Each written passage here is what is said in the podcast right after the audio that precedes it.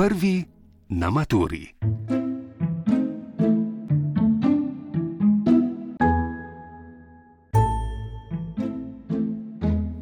Maturitetni izpit iz geografije zajema dve izpitni poli. V prvi so zajeta naslednja področja znanja: obča geografija, regionalna geografija sveta in Evrope, v drugi pa obča geografija in geografija Slovenije. Notranji del izpita, ki bi ga morali dijaki že opraviti, pa vključuje terenske vaje, laboratorijske vaje in strokovno ekskurzijo. Je bilo treba letos ta del mature zaradi prekinitve pouka prilagoditi? Mateja Krumpak, tajnica za splošno maturo na druge gimnaziji Maribor in profesorica geografije.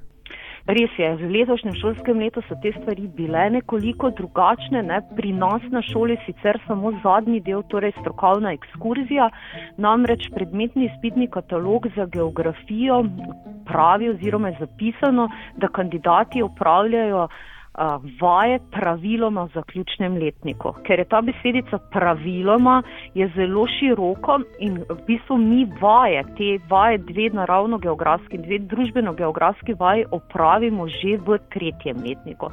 Tako da s tem delom pri nas nismo imeli težav, zagotovo pa je torej bila problem ekskurzija, strokovna ekskurzija, ki smo jo planirali 1. aprila. Te seveda nismo mogli izvesti, smo pa potem potem po priporočilih, ki jih je državna predmetna komisija za geografijo poslala, torej tajnikom mature in ti potem učiteljem geografije, torej izvedli v bistvu strokovno ekskurzijo nadaljavo. Dijaki so opravili naloge, ki jih je učitelj torej predlagal oziroma zapisal in ta poročila potem učitelju oddali v elektronski pošti oziroma nekateri so jih poslali tudi po navadni pošti na šolo in jih je potem učitelj prevzel. Ta notranji del izpita je ponavadi zelo dobro ocenjena, ne? tudi mladi se potrudijo, več časa imajo za to med šolskim letom. Bo tako tudi letos? Glede, naloge so seveda že ocenjene, A, tako da so bile tudi letos zelo dobro opravljene. Tako da z, z tem internim delom bi rekla nasplošno, tako pri geografiji kot pri ostalih predmetih, nismo imeli na šoli večjih težav, tako da ocene bodo tudi letos zelo dobre. Ne? Je pa vedno večje vprašanje, ki se pojavlja tako predvsem med učitelji, med dijaki, mogoče malo manj, ne? smiselnost tega internega dela, ne? ker v povprečju so ocene zelo, zelo visoke internega dela, bi že zdaj lahko rekli celo 19% od 20%. Ne? Tako da se včasih malo o smislu um, teh internih ocen sprašujemo, predvsem učitelji. Ja, tudi ustni izpiti pri drugih predmetov um, so tisti, ki dvigujejo povprečje. Um, če pa greva zdaj k vsebini, katero vsebinsko področje pa mladi zelo dobro rešujejo pri geografiji na splošni maturi, katera področja pa malo manj. Zagotovo so dobro rešena področja, ki se navezujejo na regionalno geografijo. Tako sveta kot Evrope tukaj večjih težav ne vidimo pri dijakih, tudi pri potem odgovorih.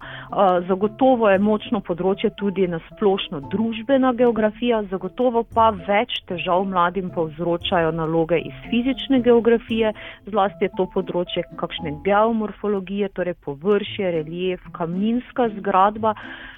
Se pa opaža, da imajo veliko, veliko težav tudi dijaki pri eh, regionalni geografiji Slovenije, kar je zelo zanimivo, glede na to, da je Slovenija naša domača država, da o njej poslušamo, slišimo, vse učimo, že vse od osnovne šole, že tam od četrtega razreda, petega, deveti razred, potem poslušajo geografijo Slovenije ponovno v tretjem, četrtem letniku, ne, ampak kljub vsemu zlasti področje regionalizacije Slovenije dijakom povzroča večje težave, bom rekla. Naj torej temu področju namenijo nekaj več časa v teh pripravah na ta predmet?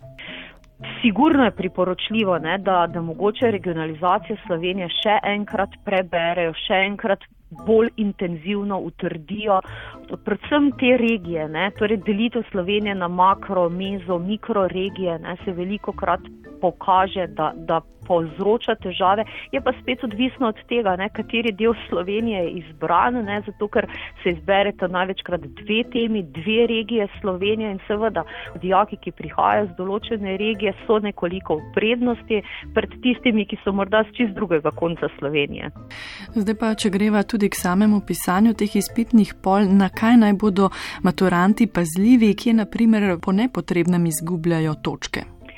Ja, to pa je zelo dobro vprašanje. Ne? Že vrsto let pripravljam dijake na maturo, um, sem med drugim bila tudi zunanja ocenevalka za maturo. Ne? Glavnina napak, ki se pojavlja, je zanimivo, se pojavi pri največkrat najlažjih nalogah. Zakaj? Namreč jaz vedno dijake upozorim, natančno preberite navodila. Natančno branje navodil že skriva polovico odgovora včasih.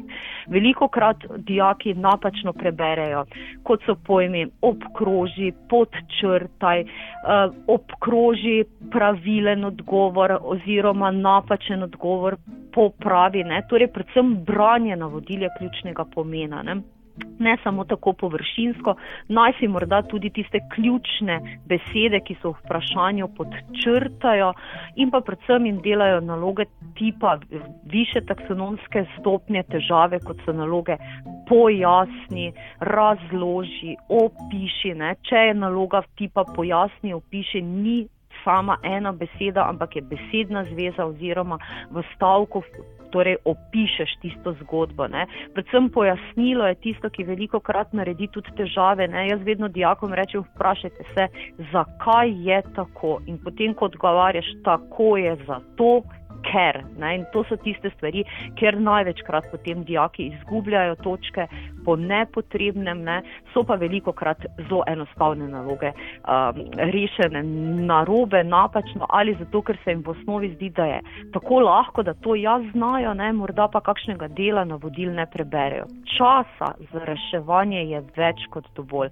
Dvakrat 90 minut je časa več kot dovolj po izkušnjah sodeč večina dijakov reši izpitno polo v 60 minutah, tako da um, je res časa več kot dovolj za natančno branje.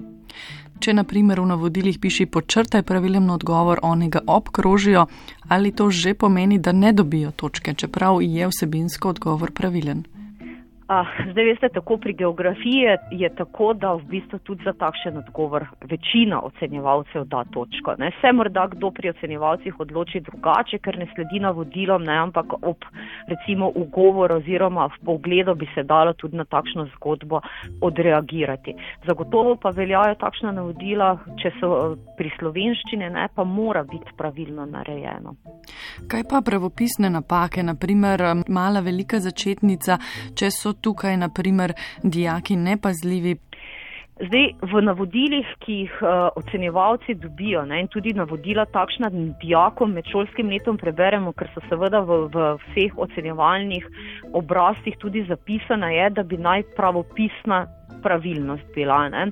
Zdaj, tukaj je spet večina zunanjih ocenjevalcev ne, takšnih napak ne upošteva, ker imamo zelo hitro lahko drug problem, ne, kaj pa tisti dijaki, ki pišejo celotne odgovore z velikimi tiskanimi črkami, tam pa ne moreš ugotoviti, ne, kakšna je začetnica velika ali majhna. Ne.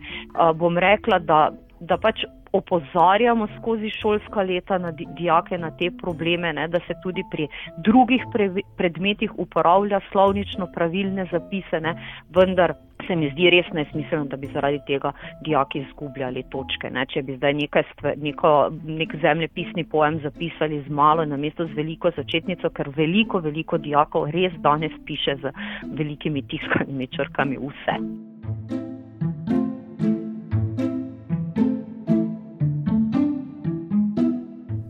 Geografijo sicer na splošni maturi piše dobra četrtina maturantov, kar pa je vseeno slabih 10 odstotkov manj kot pred leti, ko je bila najbolj priljubljen izbirni predmet. Zakaj je po mnenju naše sogovornice Mateje Krumpak prišlo do tega?